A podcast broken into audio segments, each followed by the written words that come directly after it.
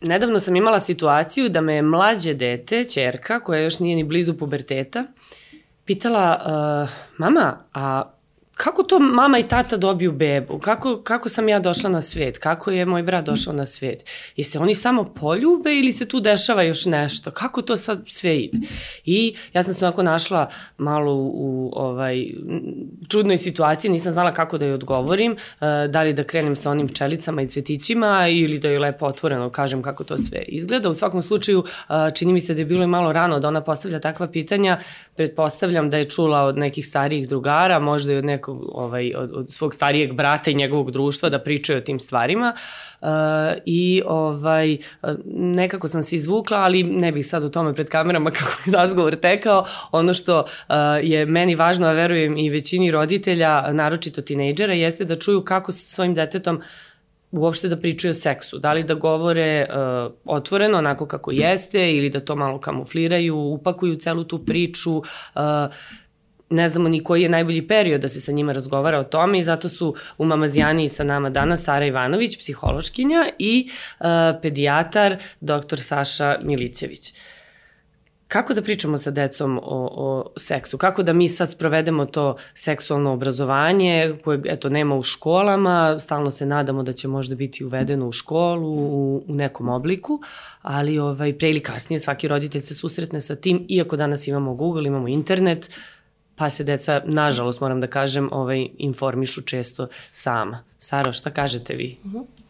Pa to jeste e, prilično velik problem, e, zato što je kod nas u društvu to velika tabu tema i susrećete se sa brojnom decom, sa brojnim roditeljima koje ne znaju kako da e, dobiju informacije od roditelja, koji ne znaju kako da traže informacije od roditelja, zato što bilo kakav oblik seksualnosti, seksualnog odnosa predstavlja nešto što je tabu tema i o čemu se u porodici najčešće ne priča. Um, ono što roditelji imaju problem, imaju problem pristupa kako da mi deci objasnimo nešto što je često i nama bilo prezentovano kao sramota, kao nešto što e, je karakteristično za odrasle. Mi kao deca ne smemo to da znamo. A sa druge strane, deca ulaze u pubertet otkrivaju svoju seksualnost, rade im hormoni i suočavaju se sa tim da društvo okolo njima pruži informacije o kojima oni ništa ne znaju. I društvo predstavlja bolji resurs informacija nego roditelji u tom trenutku.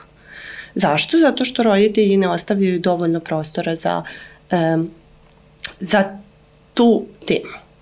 E, ne ostavljaju ne zato što nužno žele, nego ne znaju kako. E sad, kada bi možda bilo najbolje kretati sa tim? Kada dete poku, e, pokaže samo zainteresovanost. Znači, to može da bude u najrazličitijom periodu života, u skladu sa tim kada je, naravno da treba prilagoditi objašnjenje uzrastu deteta. Znači, kada su deca manja, onda da to budu neka više biološka uh, objašnjenja. Mama i tata su se spojili, stvorio se embrion koji rasta u, u stomaku mame i onda je izašla beba. Više na tom nekom nivou, bez obzira što dete ne zna šta je embrion u tom trenutku to objašnjenje će biti sasvim dovoljno. A kada je dete starije, onda prosto treba pružiti više detalja i omogućiti detetu da, šta se time zapravo postiže? Postiže se da dete ostane otvoreno za to da pita.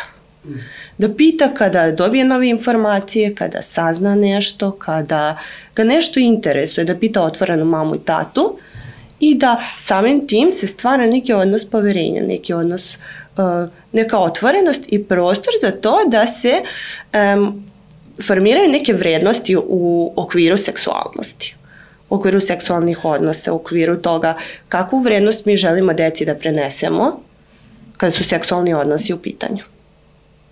E, I m, ono što je još dobro u svakodnevnim životnim situacijama, filmovi, na primjer, decu gledaju filmove gledaju filmove koji možda nisu ni za njihov uzrast.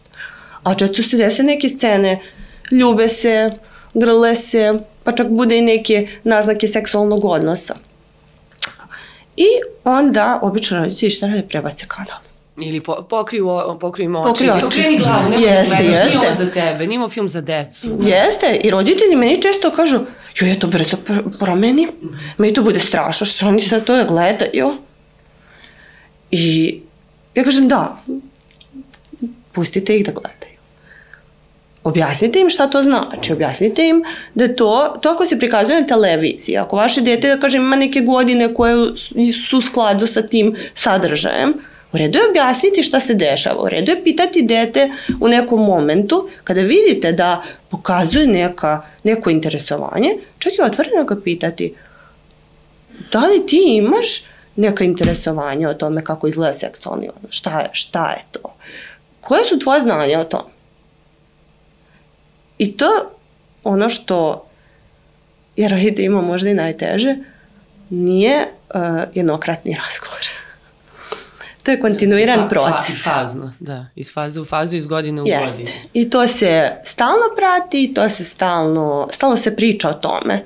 Jer onda ostavljate prostor da dete dođe i kaže jao mama, e, eto sad, ili devojčica ili dečak, nije prosto bitno. Jao mama, meni se sviđa ta devojčica, ja sam to poželeo. I onda prosto razgovarate o tome. Razgovarate o nekoj odgovornosti, o tome šta znači to, šta znači neželjena trudnoća, šta znači um, kontracepcija. Prosto um, neke, neki vid sigurnosti roditelj pruža detetu. I to je ono što je bilo neko moje, da kažem, iskustvo s tim kada su mi roditelji dolazili sa različitim problemima. Doktore, iz ovog medicinskog ugla sad smo se dotakli to, kontracepcija ovaj, i uopšte prevencija nije samo neželjena trudnoća, već i brojne različite bolesti koje mogu da se jave. Sad vi radite sa malom decom, naravno, ali da li se dešava da vas možda i roditelji pitaju za savet kad su tinejdžeri u pitanju, a deca danas statistički gledano ranije stupaju u seksualne odnose nego nekad. Dobro, do duše nekad su ovaj, ranije stupali u brakove, pa, pa je bilo seksualnih odnosa, ali sad je to ovako u vezama već kraj osnovne škole, ja mislim da se dešava, je tako, da, da. da oni ovaj, krenu o, u akciju, što bi rekli, da, a nisu baš informisani ovaj, kako treba o svemu. Ono što ste rekli, kreću u akciju, već yes. u osnovne škole vidim roditelji da. se nađu prosto u čudu. Znate, čak i deca i ne pitaju toliko puno koliko bi možda trebalo, zato što su deca već informisana. Zato oni mogu, ono, oni sada diskutuju međusobno, nema tu sad nekog, nekih pitanja, ali oni međusobno razmenjuju iskustva koje su stekla preko društvenih mreža. A, to im je nekako osnovni način informisanja. Ja kad sam bio da kažem, mali, kad sam išao osnovnu školu, moja škola Metko Dgočević imala prva seksualna vaspitanja u tadašnjoj Jugoslaviji, to je bila revolucija. Doduše, malo se razočarala, smo učili o oprašivanju, mi smo smatrali da će to biti nešto malo efektnije, ali o oprašivanju biljaka, ali nema veze. Mi smo prvi imali seksualno vaspitanje, predavala nam je profesorka ovaj, divna jedna žena uh, biologije i mi smo nekako bili fascinirani s tim, ali nismo nešto previše saznali. Međutim, to je bio zaista jedan revolucionarni, uh, da kažem, korak. Uh, deca se mnogo lako i mnogo brzo informišu. Recimo, došla majka, kaže, znate, našla sam, kaže, kod mog deteta u telefonu je ukucala, muška piše, ženska piše. A mogu da zamislim šta je izašlo tamo. Ona, kaže, pokazala meni. Kaže, verujte, kaže, ja imam, ne znam, 40 godina, ostala sam šokirana osjetila, sam se tako neprijatno.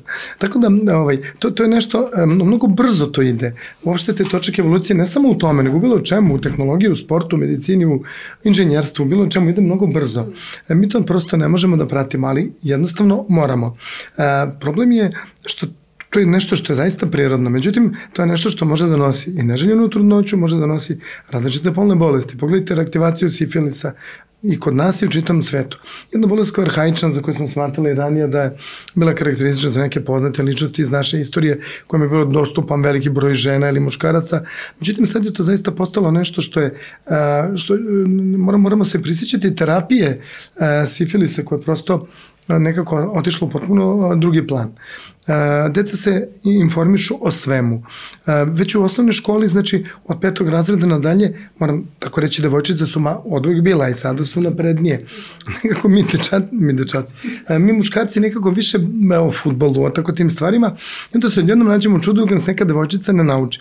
Devojčice su nekako zrelije, ali nisu dovoljno, ne, nisu dovoljno informisane. Najviše oko tih različitih, najvažnija stvar je neželjena trudnoća i polne bolesti prosto, to je ono, što, ono sad se pričaju kolege ginekolozi, da se susreću s različitim polnim bolestima i kod devojčica i kod dečaka u osnovnoj školi, u srednjoj školi, što je ranije bila karakteristika recimo studentskog a, perioda života. Dakle, to je jedna situacija koju mi možemo da pričamo da li volimo, da ne volimo, to je nebitno, mi moramo da se prilagodimo tome. A to je jedna prirodna stvar i deci treba pričati. Naravno da je to teško, To, to uvek, idi pitaj mamu, on kaže, idi pitaj tatu, onda kaže, idi pitaj baku. A ta roda je otišla gore negde daleko, ko više, kakva roda? Kaže, roda, ma znam, tata, kakva roda? Ti imaš mamu, ti mi ne pričaš o rodi, jesi ti sa rodom radio, vodio ljubav? A kaže, zamislite što mi kaže čerka. Kaže, tata, kakva roda. Znači, jednostavno, deci treba objasniti, kako to deluje e, nezgrapno. Naravno, zavisi od roditelja. Ima roditelji koji su kruti oko ishrane, kruti oko sporta, pa se onda kruti oko tih stvari. Ali čovjek mora da uspostavi s detetom takav odnos da ne bi kasnije morao da ide kod na neke konsultacije. E, naravno i psiholozi i deči psihijatri su jako važni, ali mnogo mi je žao kad oni dođu do te situacije da moraju da traže neku stručnu pomoć zbog toga što su prosto zalutali i onda predaju odgovornost recimo psihologu, oni su zaista ljudi stručni, ali to je nezgodno, sad vi treba u tih sat vremena da ispravite sve to što su oni što smo mi roditelji. To sam upravo htjela da pitam, da li, da li da se postavimo kao drug drugarica ili kao predavač, pa sad mi njima držimo predavanje? Čini se da bolje biti uh, nešto između, nešto između. Neko predavanje, mislim da oni mogu nama da drže predavanja, ali što se tiče neke informacije, treba im reći. Sine, na, što ti na svakom filmu, ja mislim, ja mislim treba biti hrabar, treba pogledati istini u oči, deci u oči reći, to je tako, tako. Ovo što kažete vi ne previše kruto, ali da se kaže to je to, možda se desi to je to. Pa na oni u svojoj glavici razmišljaju, pa bolje kasnije, da budu haj, da to što su mama i tata rekli, nego da kažu, ja to prvi put čujem. I da se drugarici žali da je izostala menstruacija, da boli stomačić, da povreće, da je raste stomak i tako dalje. To je, ništa to nije strašno, ali je strašno ako se desi naravno u periodu kad beb, kad beba treba da se pojavi, kad ne treba. Znači, moramo biti s decom i drugovi, ali ne skroz. Imaju ni svoje drugove. Oni moraju, mi moramo imati neku vrstu autoriteta, da bi, da bi nama deca verovala. Ne možemo biti ravnopravni sa drugarima i drugaricama. Da, ali ovo što si ti malo prepomenula, um, taj, ti fazni razgovori u odnosu ovaj, na, na godine, na starost deteta, znači prvo počinjemo onako biološki, jel? Ali ovaj vremenom kako se ono kako radoznalost raste, onda objašnjavamo malo onako detaljnije, pretpostavljam, jel? I... Pa da, u skladu sa tim uh, kakva je zainteresovanost deteta. Prosto pratimo interesovanost. Ali šta ćemo sa decom koja ćute? Sad ja ja negde mislim da ga zanima, da je za da bi da pita, ali ne sme, plaši se. Pa da li da, da, li e, da moj korak bude prvi, da, mm -hmm. da ono sedne da kažem, ajde ovako, da Definitivno korak malo. prvi, definitivno korak prvi, e, treba da se inicira razgovor. E, ali ono što je, obično roditelji propuste, a što bi trebalo da se radi, da decu upoznaju sa telom, sa delovima tela, sa, to, sa tim kako telo funkcioniše. I to možete kad su prilično mala deca zapravo.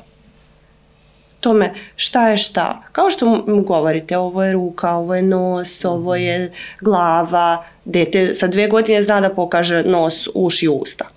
Tako da uh, upoznajte se telom dete i samim tim stvarate dožive sigurnosti kod deteta dete kojem vi inicirate razgovor, jel te ovo interesuje, šta je ovo?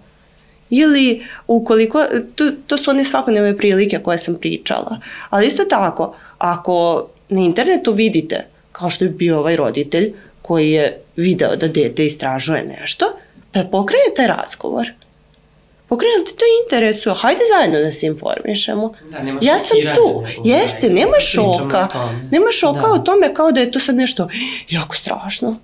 Naravno da dete treba sa tim da se upozna. I naravno da roditelj treba da m, bude podrška u svemu tome. A dete neće ćutati.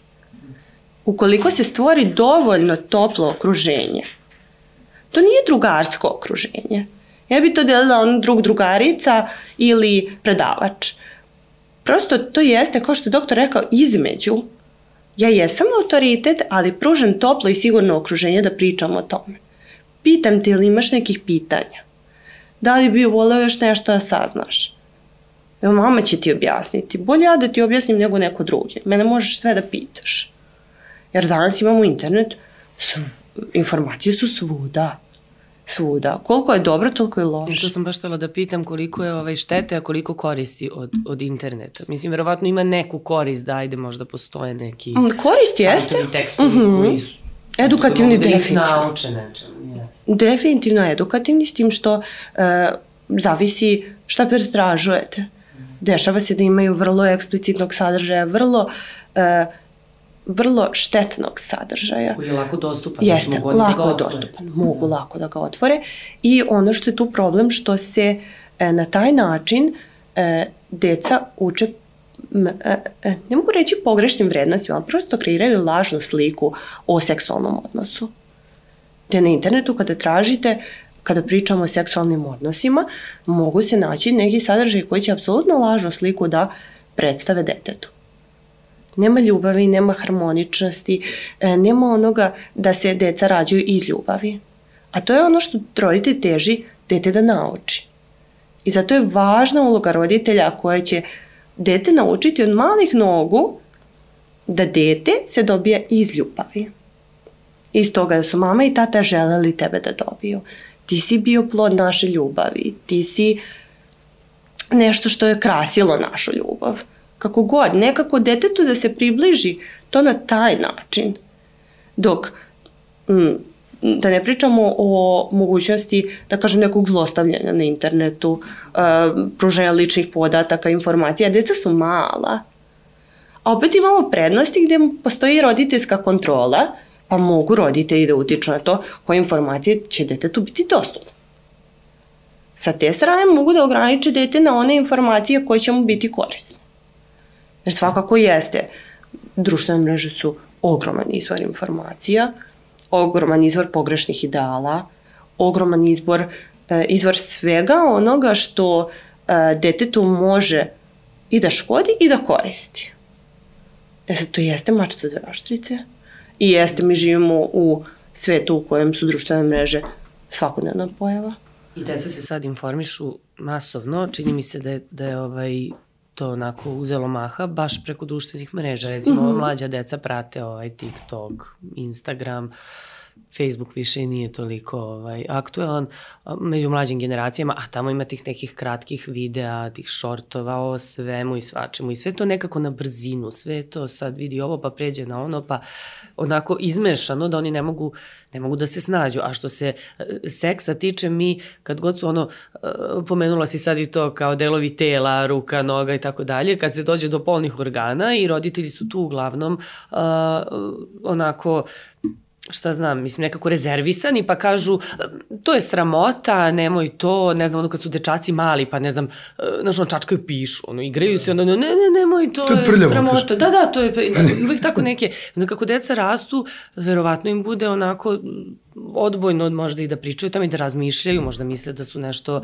pogrešili, ako pomisle uopšte na, na to što su videli i na internetu i na filmu ili su negde čuli, kako da ih oslobodimo sad e, tog tabua, a da opet ne budu previše slobodni i da ovaj odu u neku krajnost pa da dođe do i do zdravstvenih problema i do mnogih drugih, ja? Mislim, to je tanka je granica, pretpostavljam, između To, uh, interesantno, to da. čačkanje piše, to je, to je nešto da. či, sa čime roditelji stalno dolaze. Stalno, a to je, doktor će potvrditi, to je normalna pojava. To je apsolutno normalna pojava. Apsolutno. To, to je prosto da. nešto sa čim, što se roditelji, naročito mame, ajde, tate razumeju nekako to. Tako, tako, da. Tate su ponosne. Da, tate su ponosne. Su ponosne. tate su onako, jo, pa on treba da se pokaže. Da, da, pa muško. A, mama, a mame su, sramota, ja odem sa prijateljicom na kafu, a on tako to radi. Šta ja sad da radim? I šta kažete, šta da radim? Da ga treba pusti? Pa ništa, pustite. Da ne, treba ga pustiti. Treba ga pustiti, jer on u tom trenutku iste, upravo istražuje svoje telo. Treba ga i upoznati sa tim. Ne treba ga uopšte, da kažem, u bilo kom smislu sabotirati u tim nekim stvarima, niti posmatrati to kao nešto nenormalno. Jer to jako često ljudi rade. Izvinjam se, i prilaziti mu tako, objašnja, govoriti mu da je to nešto nenormalno i to sramota. Da. Ove, ovaj, ali ono za devojčice koje su stvarno, nisim uvek bile, jel te, zrelije, e, ja primećujem recimo u školi moje dece, e, devojčice koje su tako peti, šesti razred, pa sad nemaju grudi, a onda one već nameštaju neke brushaltere, pa onako ističu, kao da pokažu da, da su im grudi porasli, iako još uvek i nisu toliko, ali već kreće ta to ide od ideje o seksualnosti, je tako? Iako one ništa ne pričaju na tu temu, ali znači razmišljaju o svom telu, kako one izgledaju, kako, ovaj, i sad trebali da da mi kao roditelji sad tu dozvolimo da se one tako ponašaju ili da to možda sprečimo, da im kažemo da sačekaju, da kad dođe vreme, ne znam, eto, nosit će Bruce Halter i bit će pola života ovaj, i više od pola za to. Kako da se postavimo u toj situaciji?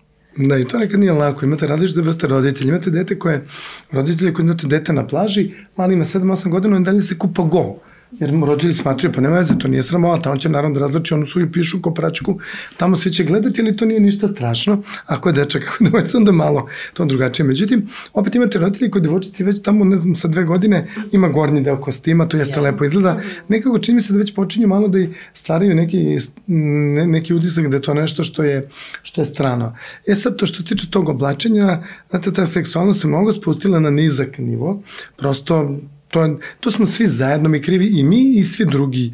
A kažu filmovi su krivi. Naravno da film nekad pruži možda lažni utisak to kako to traje jedan minut na filmu, deca će smatrati da to zaista tako. Da se od početka do kraja to tako brzo, to je tako efektno, a to nažalost u životu nije baš tako. I ne, štete da deca to tako shvatali, kako će drugačije.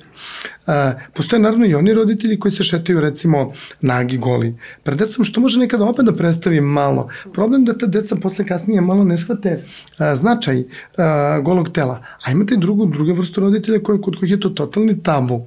Znate, potpuno. E, I sad jako je teško naći sredinu. Svaki roditelj, svako od nas misli da je tu najpametniji. E, nekako kad treba da idu kod psihologa, smatraju da je to već neki znak njihove insuficijencije. Uh, zar moram?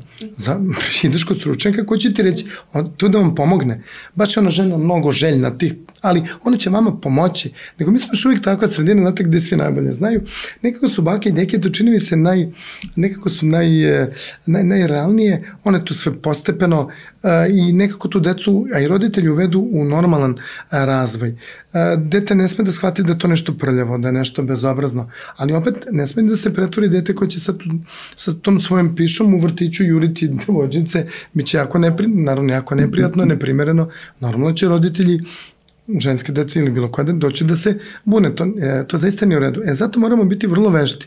Kao što ništa u životu nije jednostavno, pogotovo ovo nije jednostavno. Zato što ta seksualnost je jako povezana sa polnim organima, ali potiče iz naše hipofize, od mozga, odatle potiče. Znači, mm, ne smemo da dozvolimo da dete bilo koga ugrožava sa tim svojim ponašanjem, ali ne smemo dozvoliti da, da tom detetu bude neka frustracija. Ranije su tu bili bukvari, um, različite um, knjige, decu to sad više ne interesuje. Oni sami kući, znam da im pričala jedna učiteljica, ona žena morala da ode u toalet, ostavila klince, kaže, gledajte, ne interesuje, što vas interesuje, oni su se svi skupili oko jednog kompjutera i gledali neki porno film. Jednostavno, tako je pritom ni klinac, ko ja to znam, to gledaju moje mama i tata. E, koliko je sad to normalno, koliko nije, to je druga priča. Ali moramo biti svesni da takav tok i moramo se tako hoditi prema deci. Ja stalno se hvatam za te neke polne bolesti, ne bih hteo da mi je takav posao, pa no, ovaj, e, ne želim da, da, da nešto prljam takav, ali i, i, ta, i ta neželjena trudnoća. Nikad više informacija o tome nije bilo, a nikad nije bilo više tih neželjenih trudnoća. A jako, vidim, kolegi mi pričaju, nekad ta devojčica ni ne zna Znate, bila je neka žurka, oni su drugari, hm, ni ne zna sa kim je, šta je. To je jako nezgodno. Onda su i dečaci uplašeni. Dakle, e sad pitanje šta? Nekako na tim društvenim mrežama na tome nema objašnjenja, koristite recimo taj kondom, pa to nije in prosto. Znate, ali to je zapravo zaštita. To je jako važno. I čitav drugi niz zaštita. I mislim da bi trebalo da se vrati, odnosno kao što je bilo u toj mojoj školi, kao što je profesorka Zlatica Raspopović nama to pričala, dakle to seksualno pitanje je jako važno. Deca moraju da znaju, pa ne moraju, moraju da, da ne smiju da se prvi put sretnu sa 15 godina, da znaju da je kondom zaštita, da znaju šta je kontracepcija kod devojčice, da možda ima neke štetne efekte. I kako se koristi i šta je cilj tome, da je to nešto zaista normalno, kao što pričamo ne znam čemu, a ne da, da, da, da se smemo na času kao sramota, učimo oprašivanje biljaka, a ne učimo polno razmnožavanje homo sapiensa.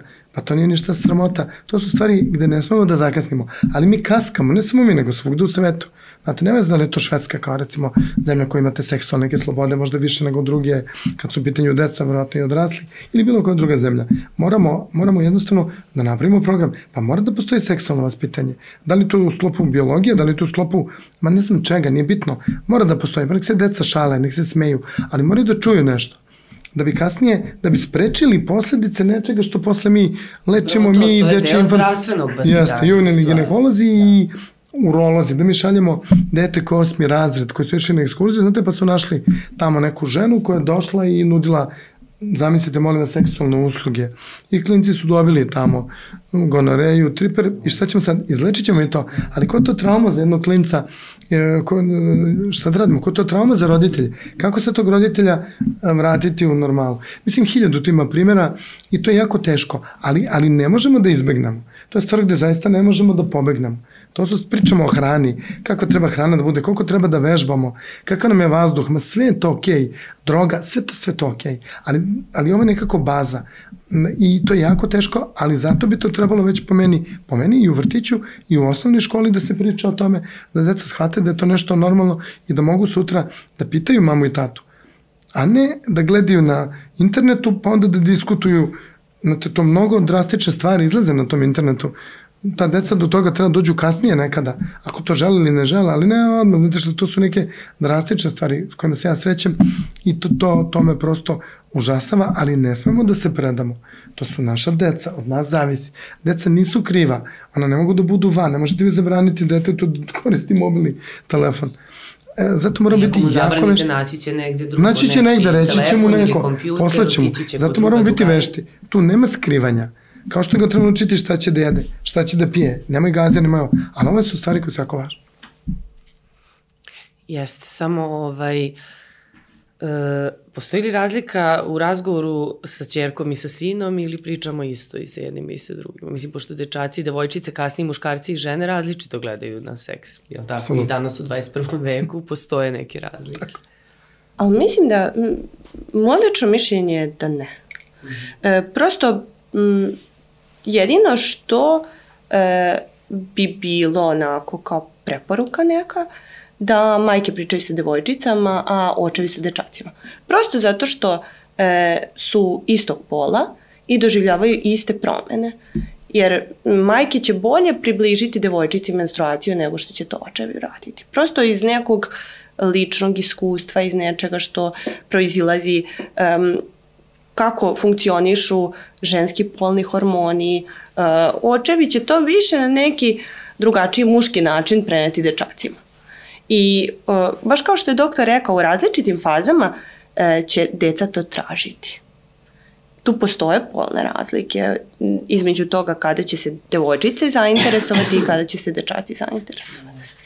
Ti, pitali ste baš pre nekoliko da li kada devojčice počinju da se zainteresuju za grudi, za to e, da li imaju velike grudi, da li nemaju.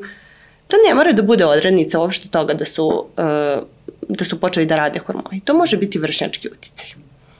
Jer ono što imamo, imamo te agencije socijalizacije, porodica, škola, vršnjaci, koji u različitim periodima predstavljaju, e, odnosno imaju različit primat u životu deteta.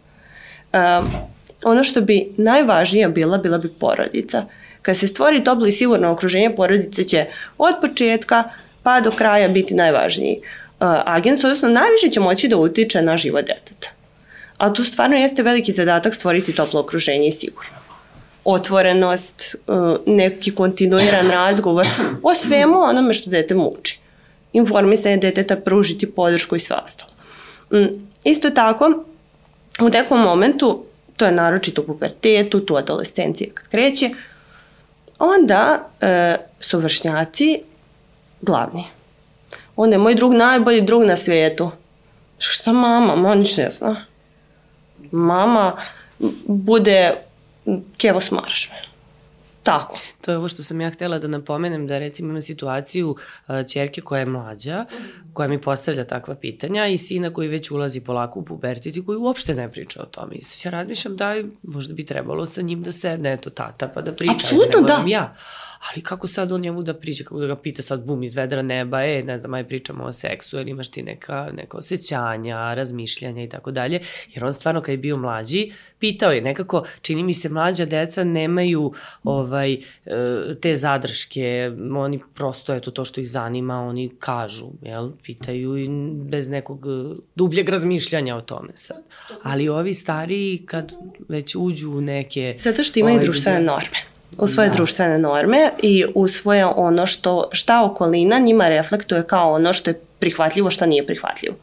Mala deca, pa će on svašta raditi. Mali su i sve mogu. I svi, svi se smeju kada um, on sruši čašu. Pa je veliki da sruši čašu. Ne može baš tako. Onda, tako da, više društva oblikuje to kako će oni pristupiti i pitati i sve ostalo. Zato i krojimo dok su mali. Zato krojimo tu neku e, sigurnost da pitaju tata, aj, šta je ovo? Čak i da ne, čak i u toj situaciji da ne pita, u redu je da tata dođe i da kaže, e, sine, ne znam, pa ti sviđa neka devojčica, da krene tako, ili šta ti znaš uopšte o seksualnosti? Te to nekad interesuje. Jer sada ne pričamo samo o uh, tome da se deca susreću sa uh, heteroseksualnim parom. Susreću se sa homoseksualnim parovima. Imamo paradu ponosa, imamo sve i onda imaju i taj moment zbunjenosti, aha šta je sad ovo, i onda neki roditelji to prihvataju, neki ne prihvataju, pa tu imate još jedan konflikt koji se javlja kod deteta, aha, ja sad to treba da prihvatim kao nešto što je u redu ili ne treba. Da, Pri, šta konfuzija sad. Pritom u tom, de, u tom periodu dete možda nije ni razvilo svoju seksualnost. U tom nekom smislu. Ne zna svoje seksualne preferencije. I onda je vrlo važno da ostavimo otvoreno pitanje e, i različitih oblika seksualnosti. Prosto je dete se osjeća slobodno sutra priča sa roditeljima o tome. Jer ja kažem roditeljima, lako je biti, um, lako je formirati stav neki uh, kada si veliki. Ali ako se taj stav prenese na malo dete, šta ako vaše dete ima drugačije pre, seksualne preferencije? Ali mi smo došli do tog stava vremenom. Nije se stav jeste, samo pojavio. Jeste. Formirali smo ga. Jeste, jeste. U I šta ćete... okolnosti, razmišljanja, situacije, naše ponašanje. Roditelji ne razmišljaju o tome. Oni ne razmišljaju o tome, hoće da...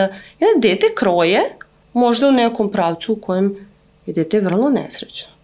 U 21. veku, evo ja imam primer, mislim, čula sam to od neke drugarice, čerka je valjda dobila je prvi ciklus i mala je bila u apsolutnoj traumi, ona nije znala šta joj se dešava. E sad, da li među drugaricama nije bilo reči o tome ili nije googlala o tome, uh, ali meni je potpuno neshvatljivo da mama sa njom nije pričala, da je nije pripremila, jer je već, dobro, možda je malo ranije dobila cikl, ali sve jedno, evo, opet pominje, moja čerka je mala, ima još vremena, ja mislim, do toga, ali ona već zna, ja recimo ako smo na moru pa se ne kupa, onda kaže, aha, ti se sad ne kupaš, nosiš ono što se stavi kao u veš, pa to, pa ne možeš nekoliko dana, sve ona to zna, to ima malo kao krv i ovo, znači, Bukvalno ja sam njoj to onako u kratkim crtama objasnila, ali ne tako da je sad ona istraumirana i da je nešto šokirana i rekla sam joj doći će vreme kad ćeš i ti isto tako, to će opet da traje neko vreme, pa će da prestane u nekom trenutku.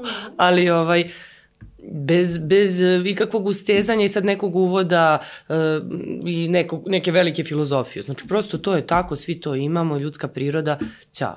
Ovaj, a, a isto tako uh, sam čula za situaciju kad je mali od jednog drugara ustao ujutru i otišao je, otišao je u WC da piški i počeo da plače i sad ovaj pomislio nešto ga boli, da ima neki problem. Međutim, on je dete imalo jutarnju erekciju, to se tako zove, jel? Ali ovaj nije više bio toliko mali, sad on nije znao šta, šta mu se dešava, kako ću sad, kad ne zna kako da piški. I ovaj se zbunio, sad treba da mu objasniš zašto on to ima i zašto će imati, nije to sad posle, prvi poslednji put da mu se dešava. Pa eto, ja sad za te, možda ste vi malo ovaj, tu... Uh, uh, stručni da nam kažete, mada može i Sara, naravno, posebno za ove razgovore sa, sa čerkama, ovaj, kako sad u tim situacijama da se, da se snađemo, da se izvučemo iz te situacije, a da prođemo nepovređeni. Ne, ne, to nekaj nije lako. Da. Stalno jer, jer to je nešto biti... akutno, znači da, to je da. nešto što se odjednom desilo. Jeste, to da. su neke situacije, vidim, kažu roditelji, majke recimo kažu, znate, kaže njemu piše ujutru, bude veća, kažem, gospođu, pa to, svi žalite ili se hvalite? Onda se pojavi tata, znate, pogotovo ako je Hercegovina Crna Gora, oni se ponosan. Naravno, ali kažem, to je ljudi normalno, fiziološka jedna stvar. A dokle to tako, onda kod dece nekada, kod dečaka, naravno, nekad se takođe ne prevuče, onda kreće čitav niz pitanja oko te piše i vidim da onda deca budu zbunjena. Onda smatruju da tu svoju malu mušku pišu nekim neprijateljem. Pogotovo kad mi nekad kažemo, da ako to ne uspe, da se koristim priča, morat ćemo da operišemo. Pa on će da tu svoju pišu da smatra za jednog neprijatelja, zbog on mora sam da se operiš, Ne mora uvek, naravno, ali sve to mora jako pažljivo, jako, jako bazljivo da se radi. Moraju roditelji da budu obavešteni oko toga. Eto, recimo, ta menstruacija je jedan fiziološki proces, ali ne sme da se desi da dete, sama reč krv, niko to ne voli. Lakše biti muško nego žensko, ja sam ubiđen u to. Lakše biti dečak nego devojčica, ali treba objasniti ovo baš kao što, evo ovako, kao što ste vi rekli. To, to je tako i to je jednostavno, to je sasvim normalno. Da detetu kad se to desi bude u redu, a ne da dete dolazi kući i da priča da li je negde sela, da li je ovako, da ide s drugaricom koji sad objašnjava, to, to, je, to je velika trauma. To je jedna velika stvar u životu i sve se više spušta granica. To norm seksualnosti je sve ranija. Taj fiziološki proces je sve raniji. Nekad je menstruacija bila sa 13, 14 godina, 15. Sada devojčice sa 9, 10 godina. To je rano, to su još deca. Ali to tako, tako evolucija napravila. Ne možemo mi to da menjamo. Ne možemo mi to da odlažemo. Naravno, niti to treba. Zato je vrlo važno objasniti na vreme. A to nije lako. A pre toga roditelji treba da se oko toga informišu. Ne bude idi pite mama, ne kaže idi pite tatu. Da što kažete, dečaci pitaju tatu, tata vidi ovo, vidi ono, e, tata onda ponosan ili je pa zabrinut da li sad veličina penisa veća ili manja, neke njegove tamo traume iz detinstva, da je objasniti detetu neke druge stvari, a m, redko kad to nije kako treba. A neke druge stvari treba objasniti, da je to normalno. Isto tako devojčici treba objasniti. Da to oni sad već u vrtiću gledaju kojima pišu ovako, kojima drugačiju pišu. I to je isto normalno. Zašto da ne vide? To ne znači da ne treba da se kreću, kreću goli, ali jednostavno interesuje ih to. To je prosto jedan fiziološki proces, jedan normalan proces razvoja koji možda ide brže nego što bi mi hteli. Kao što su deci danas stopala veća nego nekad, šake, sve to drugačije, devojčice nose 41, 2, dečaci 45, 6. Uh, I to ne ne, da. neki ekstremno visoki, da. Tako i ovo isto, jednostavno možemo i da kukamo, ali uh, moramo to da pratimo. Tako da mi pedijatri se stalno trudimo i deči ginekolozi uh, da objasnimo roditeljima, ali je to i dalje još uvek, još uvek tabu tema. Nekad su roditelji čuvali tajnu, a sad pa kao neće da pričaju o tome. A sad, a sad nekako će mi se roditelji zbunjeni, deca, pa tata vidio sam, vidio sam, roditelji su u čudu, kako sad da objasnem, mnogo, mnogo je to daleko otišlo. Ali je sve to zapravo realno. Kako vi da zabranite dete? To čuće negde. Ali zato moramo biti u toku da to dete bude spremno. Da mu kaže, maco, ova, ovo je ovako, ovo je ovako. Kad se već pomenuo maca, vidim u nekim američkim državama e, dečaci i devojčice su opredelili, hoće li biti bata ili seka. Ali možda bude i maca, pa će sad u kupatilu u WC-u biti neki pesak da piški kao maca. Nama to sve deluje, neko će reći, pa to je bolest, neko će reći, to je napredno. Sve zavisi kako ko shvata. Ali je, ja, da sad ja ispadnem pametan, da kažem, to je realno. To je, to je, to je realnost. Od toga nećemo moći da pobegnemo. Da li je pametan, da li nije? Ma, stalno mi to nešto tumačemo. Nismo mi sudje. Mi smo roditelji i mi moramo da svoje dete usmerimo. A, da li jeste, da li nije. Da li je normalno, da li nije, to je drugo. Ali detetu treba sve objasniti. Vidim, Nemačko, ako verovati, kaže svake godinu dana će sad moći da se opredelju će li biti bata ili seka. To su neke različite, čini mi se, malo dezorientacije. Bog je odredio ko je šta. E sad, naravno, postoji psiha, postoji to već različita i patologija i fiziologija, kako se ko osjeća. Ali ovaj, moramo, moramo, jednostavno moramo da pratimo taj tok. Znači kad se beba rodi, jedno od prvih pitanja, prvo, da li beba zdrava? Jeste.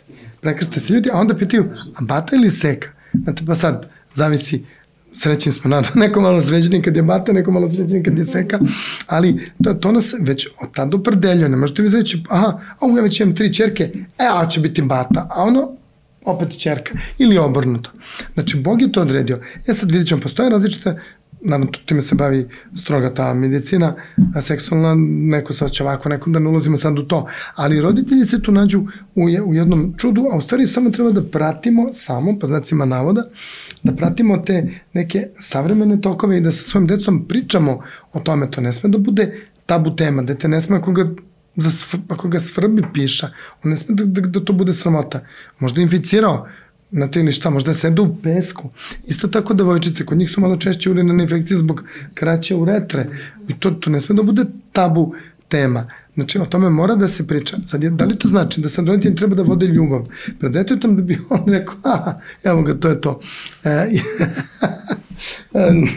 Ovo, hoću da kažem, ta izraz lica sve govori. Znači, mislim da je to prerano, ali deci treba objasniti kako to nastaje. Ne treba ići ni u drugu krajnost, da deca to ne bi banalizovala i da posle nemaju neku strast prema tome i da, da se to malo izgubi. E, zato treba biti vešt, a to je ono što u životu najteže, a to je biti vešt, pogotovo biti roditelj, to je izuzetno teško i odgovorno. Svi mislimo da najvažnije ono pre, e, biti aktivan i dobiti, napraviti dete, ali mnogo je teže oformiti dete, napraviti i izvajati ga.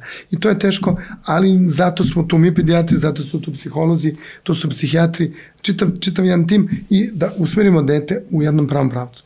Reći će lako njemu, da, meni, ne, ne mislim meni, nego samo nama, ali ovaj, moramo da se napregnemo, jer očigledno ne možemo samo da se uzdamo u, u medije i Roditelj je taj koji... Da, da se neki roditelji opuštaju, to je da su se opustili Jeste, lakše i kao da im je lakše što će saznati sve što ga zanima, ja, eto, sa interneta i ja. televizije i kao nema veze, neka da. se samo tamo informiše da se ja ne... Da šta ja tu da se petljam? Pa to je prebacivanje odgovornosti. Baš tako. To je apsolutno prebacivanje odgovornosti. Neću ja biti kriva ako nešto bude loše. Mm.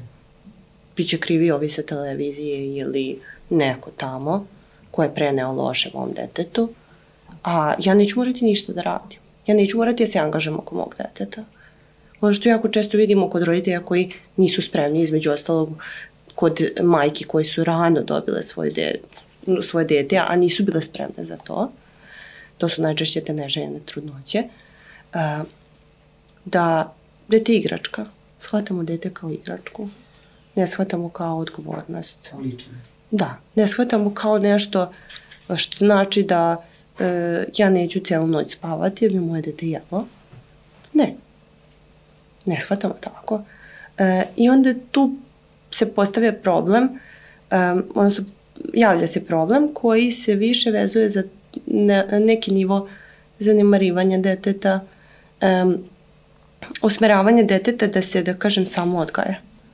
Tu najčešće uskaču neke starije osobe, jel, sa strane, ali zapravo um, lakše je dete pustiti da se samo i odgaja i obrazuje i da mm, odrasta samo.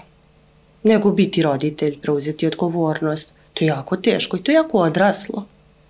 Često roditelji, bez obzira koliko su odrasli, su deca. I nisu spremni na odgovornosti. Uhvate sebe da su dočekali određene godine i sad u ovom trenutku ja moram da imam dete, zato što imam taj broj godina, a zapravo nisu spremni. Ne, ne da ne žele, oni žele u tom momentu, ali se pokažu kao da nisu spremni. Za tu vrstu obaveza. Apsolutno, beže od kuće, žive mladalački život. To je nešto što je redovno sada. A gde je dete za to vreme? Dete, babi i dede. Ili je kod babi i dede, ili u vrtiću. Pa onda vidite roditelje koje e, dolaze po dete u, vrtiću, u vrtić tako što ono ostane posle tog vremena do kada ostaju vaspitačice, na primjer, pa vaspitačice zovu roditelje, pa roditelj kaže doći ću posle ručka, pa dođe na kraju ili ne dođe, pa moraju opet da ga zovu. Znači, neko, e, neko, neki doživljaj nesigurnosti se šalje od strane roditelja. Ta neka poruka. E sad, tu, za, zato je važno da se uh, uvede to seksualno vaspitanje u školu. Upravo zbog e, tih stvari i zbog roditelja koji možda ne znaju, možda se ne bave decom. Ili ih prosto ne interesuje. Ili ih da prosto ne interesuje da ulaze da u te teme. Možda, možda na to gledaju kao traćenje vremena. Škola gubljenje. bi trebalo da nam je priprema za život za neki period odraslosti. Svima je osnova škola obavezna. Ovo što je doktor rekao, baš to, da ako, ako ništa drugo, da bude u okviru nekog predmeta koji je već obavezan. Ja, to biologija. Biologija, da. apsolutno. Apsolutno, tu se apsolutno slažemo. I m, to bi trebalo čak osnovna škola. Srednja škola nije obavezna. A mi dobijamo predavanje o seksualnim odnosima, o zaštiti, o kontracepciji tek u srednjoj školi. I to, da, i to ukoliko dođe neka organizacija specijalno u školu da bi održala predavanje. U okviru nijednog predmeta se ne priča o tome. Eventualno na recimo sociologija, to bi bio neki društveni fenomen, biologija nešto malo. Vrlo malo. Nedovoljno, nedovoljno da se dobiju neki okviri o tome. Jeste, oni kad su, mislim, oni već između sebe pričaju o tome dok su mali, pa sam ovaj, apropo toga htela pomenuti da neki primjer iz parka skoro, ovaj, neki mali je pokazao, da sad ne pokazujem to pred kamerama, nešto prstima, i sad ovaj drugar pored njega govori, uh, a šta to kao nešto umače, on pa nešto, o, a, a devojčica, drugarica kaže, kako si glup, kao ne znaš, pa to je, i onda ona njemu objašnjava, pa to je kao kad, ne znam, muškarac, ali nije rekla dečak ili bata, muškarac, kao e, svoj, kao, i sad kako na to nazvala, ne znam, organ, tako ćemo reći, ubacuje kao ko žena. Znači, ta deca nisu imala više od pa ne znam, 8, 9, plafon 10 godina da je bila taka neka, neka ovaj, ekipica. Ali to i sa njom bio tu negde ponižen, on je kao ti si glup, kao ne znaš, kao kao, odnosno smo se smejali ovi ostali. Sad, pitanje je da li među ovim ostalima su znali svi o čemu se radi, ali su naravno odmah su se pripojili ovoj grupi koja zna i ove, opa, i, i ove, i meni je to bilo onako potpuno sumanuto kao da što bi sa to dete moralo da zna, jel? Ali on je sad tu, ono, glupo društvu kad kažu, jel? Ovaj, i čija je to sad greška, da li je to uopšte nečija greška, da li će on sad da ode da se informiše sam ili će da pita mamu i tatu ili će da ćuti ili će reći baš me briga, još sam mali, šta me briga, šta to znači. Ali eto, deca dolaze u takve situacije, danas dolazila su i ranije, nije to nešto novo, ovaj, ali gde su se ovi ostali informisali? S obzirom da su prilično mali, ne verujem da je sa njima neko razgovarao u kući, znači to je to internet i televizija. Uh -huh. Da, može preko društvenih mreža. Danas tako nekoga mreža, pitate, to. oni sami hvataju, da sada pitate uh -huh. nekoga gde polazi taj, taj autobus, a on je već hvata, ne koristimo više mozak u onoj meri kako smo ga ranije koristili naše, možda ne vjerujem više nam ne koriste na onaj način kako je nekad koristilo. Pa zašto da pamtim kad sve imamo ovde? E pa tako je, tako je ova situacija. Ta, tako se događa sve, možda je to dete čitalo tu, možda i pričalo sa roditeljima, ali sad ovaj mali jedničak ispao tu sramota ga, on će pitati možda nekoga šta, gde šta se tu stavlja. Ali dobro, sve će, to, sve će se to nekako izniveli. Da, pa mogu da zamislim njega dnička kome su uši potrevenele jer nije znao kako se vodi ljubav.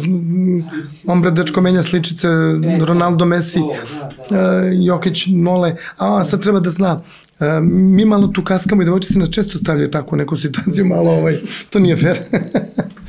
malo se šalim, ali ovaj, često se nađemo, jednostavno su napredne, to je tako priroda napravila i ženski organizam je, ubeđen sam, kompleksniji, samim tim što ima tu bogovsku mogućnost da rađa novi život, ovaj, sigurno da, da su naprednije i bolje je tako, jer bojim se da, da je to ostavljeno nama na odgovornost da bi bilo ovaj, drugačije, ali jednostavno moramo i mi da znamo uh, za, za takve neke, uvijek, uvijek je potrebno dvoje je. Možda će u budućnosti zaista biti, da neće biti potrebe više za muškarcima, da će to priroda napraviti da to sve žena sama, ali nadam se da će biti brzo i ne bi bilo ni u redu. Ovaj, ali hoću da kažem da, da, da tu roditelji jako mora da vode računa i vaspitačica, mada oni će uvijek reći, ma nije moja, ako ga mama i tata nisu naučili, isto i u školi, ali to nije, nije toliko ni, ni strašno. Treba pričati s decom, to ne sme da bude tabu, tabu tema to, to od uvek tako bilo, ali mnogo lakše sada.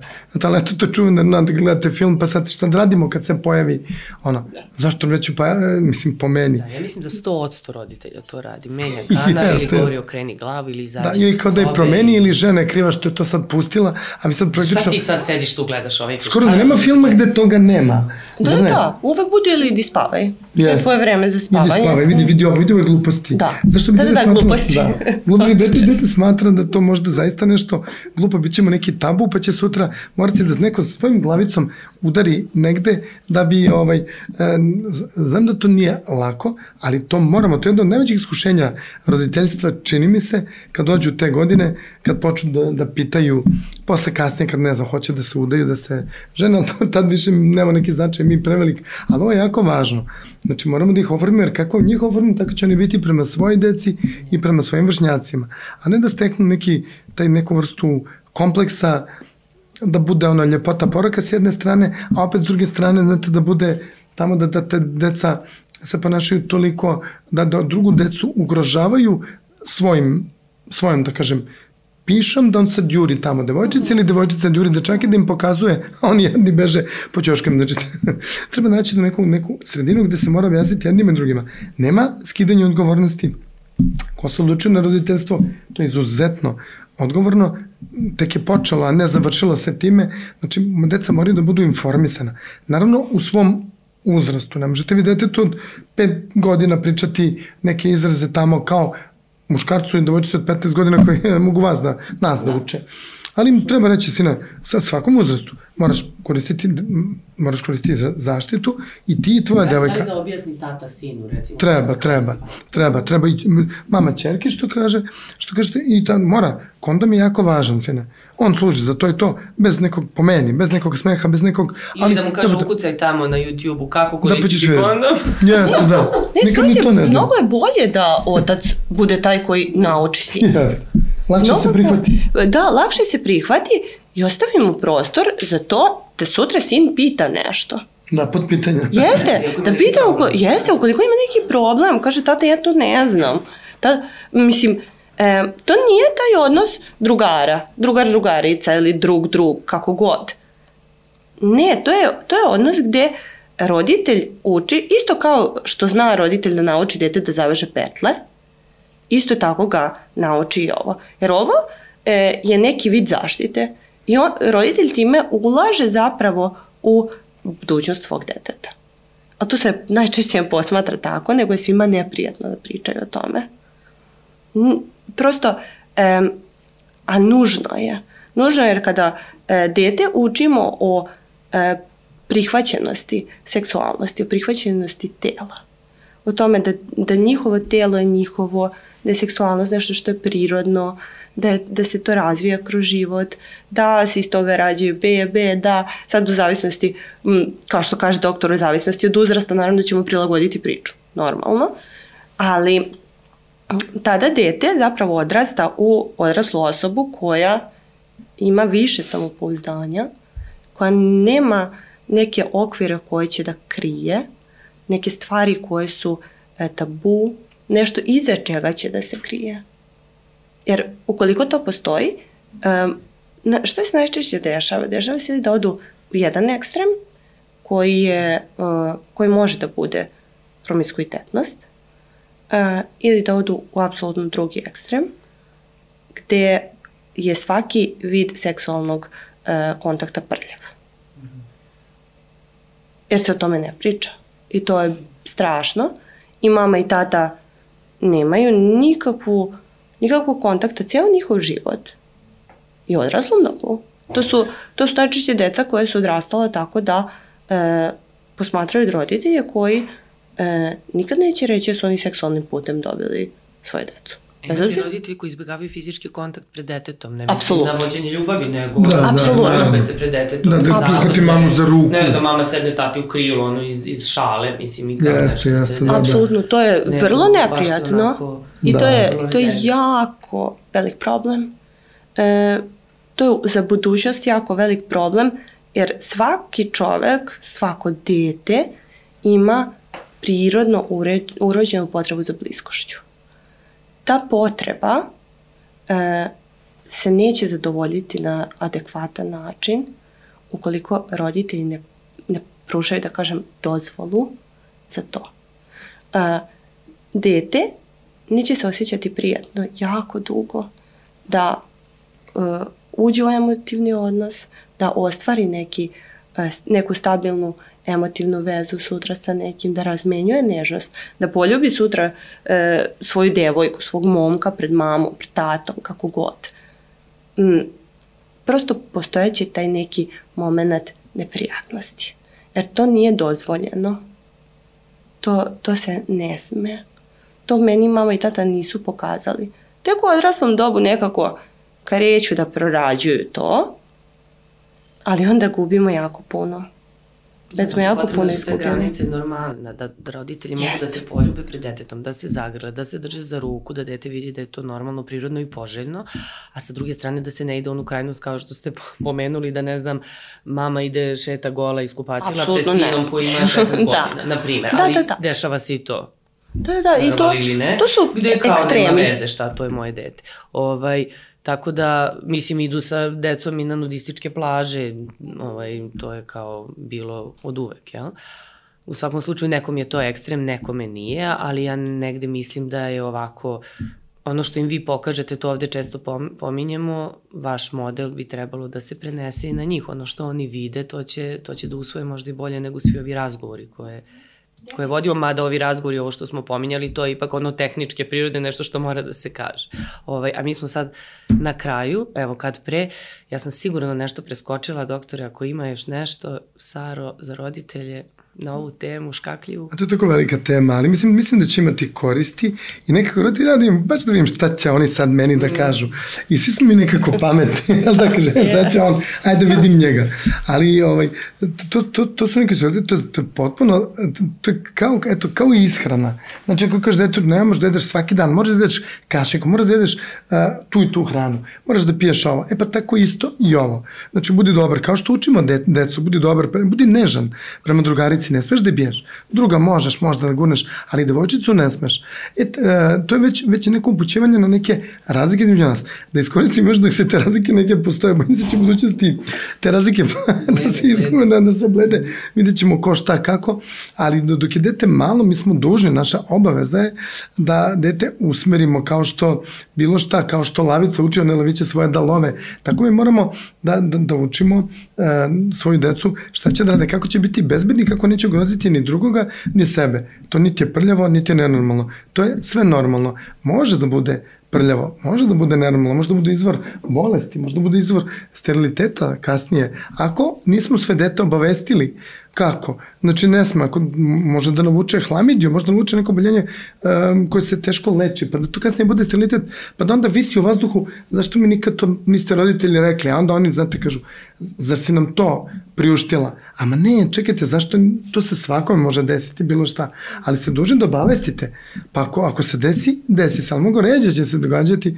nego ako učimo decu za koga će da navijaju, razne stvari. Da Ali nekako ovo sve izbegavamo.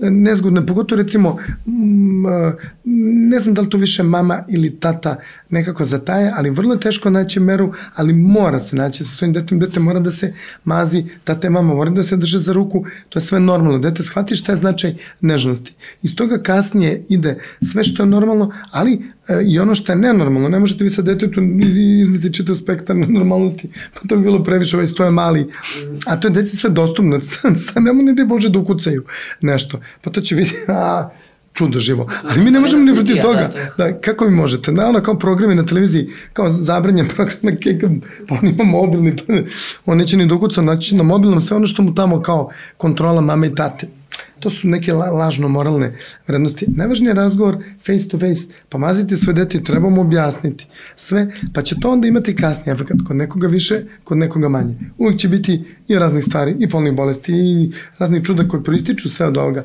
ali će biti mnogo manje. I roditelji moraju da budu mirni i da budu spremni da traže pomoć pedijatra, dečeg psihologa kad se desi takva nešto, a ne posle Znate, kad dođu, ja to kao ti klinci, to, to su išli na ekskurziju, pa su svi podobijali gonoreju, triper, za, zašto niko nije znao od njih da kondom može to da spreči? Ma kakav kondom doći, pa to je sramota. E pa dobro, zato sad lečimo, sad lečimo, pa ćemo da vidimo sada. Znate, to je, to je tako makakav znate, pa me diraju po ruci. Ja hoću da budem s njima drugar, ali kao što ja ne mogu da budem s njima skroz drugar da bi me slušali, tako ne mogu ni roditelji. Ma mora da, ma, mora da postoji neki autoritet da im se objasni. A pre i, pre i mene i ne pre roditelja, između mene i roditelja trebalo je da postoji a, ta, u školi da im se kaže to je tako, to je tako. Pa mo, nije to sramota. Pa nek se deca, mi smo se uvek smejali, nek se smeju, nek se igraju, ali ćemo ostati u glavi. Pa će nešto znati. Pa nekad 70% njih nešto sazna, to mnogo znači. Onih 30% neće imati s kim da naprave problem, jer će uvijek 70% to znati. Svi znamo sve o COVID-u, znamo sve o kevici, alergije, o polenima, grinje, prašini, a nekako smo ovde, ovno stalno nešto stavljamo pod, pod tepih. E, ne treba to da radimo, teško je, ali, oset, ali veliko je zadovoljstvo kad to dete izraste jednog normalnog mladića, jednu normalnu devojku i kasnije oforme normalnu porodicu koja će isto tako svoje potomstvo praviti. To je naša obaveza. Ne samo, to je to obaveza, fiziološka obaveza ljudskog roda da tu decu usmerimo u tom pravcu. I mislim, to ne treba nešto previše filozofirati, ali malo kao da smo izgubili te neke norme. Sve nas drugo interesuje, pričamo o politici, pričamo o svemu, a mnogo manje deca više znaju političare naš, znaju sportiste, a nekako ne znaju šta je jajna ćelija, šta je spermatozoid, da li to, to je nešto lepo, ali da možda bude problem ako nismo hteli, a kako ćemo da sprečimo i tako, mislim, te neke, imamo, da jeste, možda traje priča 100 godina, Može, ali mislim da ćemo ti znači. Drugi, ovaj, snimat ćemo i drugi deo. Saro, ako imaš i ti nešto kratko, pa da završim. Samo kratko, e, ja bi se samo osvrnula na ono, lako je ovo sve reći i ono što bi poručila nekako roditeljima da roditeljski posao je najteži posao i da u trenutku kada rade, rade najbolje što mogu. Da smo mi tu samo da im damo neke smernice i neke okvire u tome kako mogu da e, da neki način unaprede svoje roditeljstvo i šta mogu da pruže još svom detetu i da pružimo neku vrstu informacija. Naravno, na njima je da li će to oni iskoristiti ili neće, ali nismo tu, da kažem, došli kao neki učitelji i predavači, nego više kao neko ko će im dati neku vrstu e, alata koju oni mogu koristiti, a ne more. A svakako rade najbolji posao koji mogu u datom trenutku. Mnogo vam hvala što ste e, bili naši gosti danas i hvala vama što ste bili uz Mama Zjaniju. Ćao, do sledećeg puta.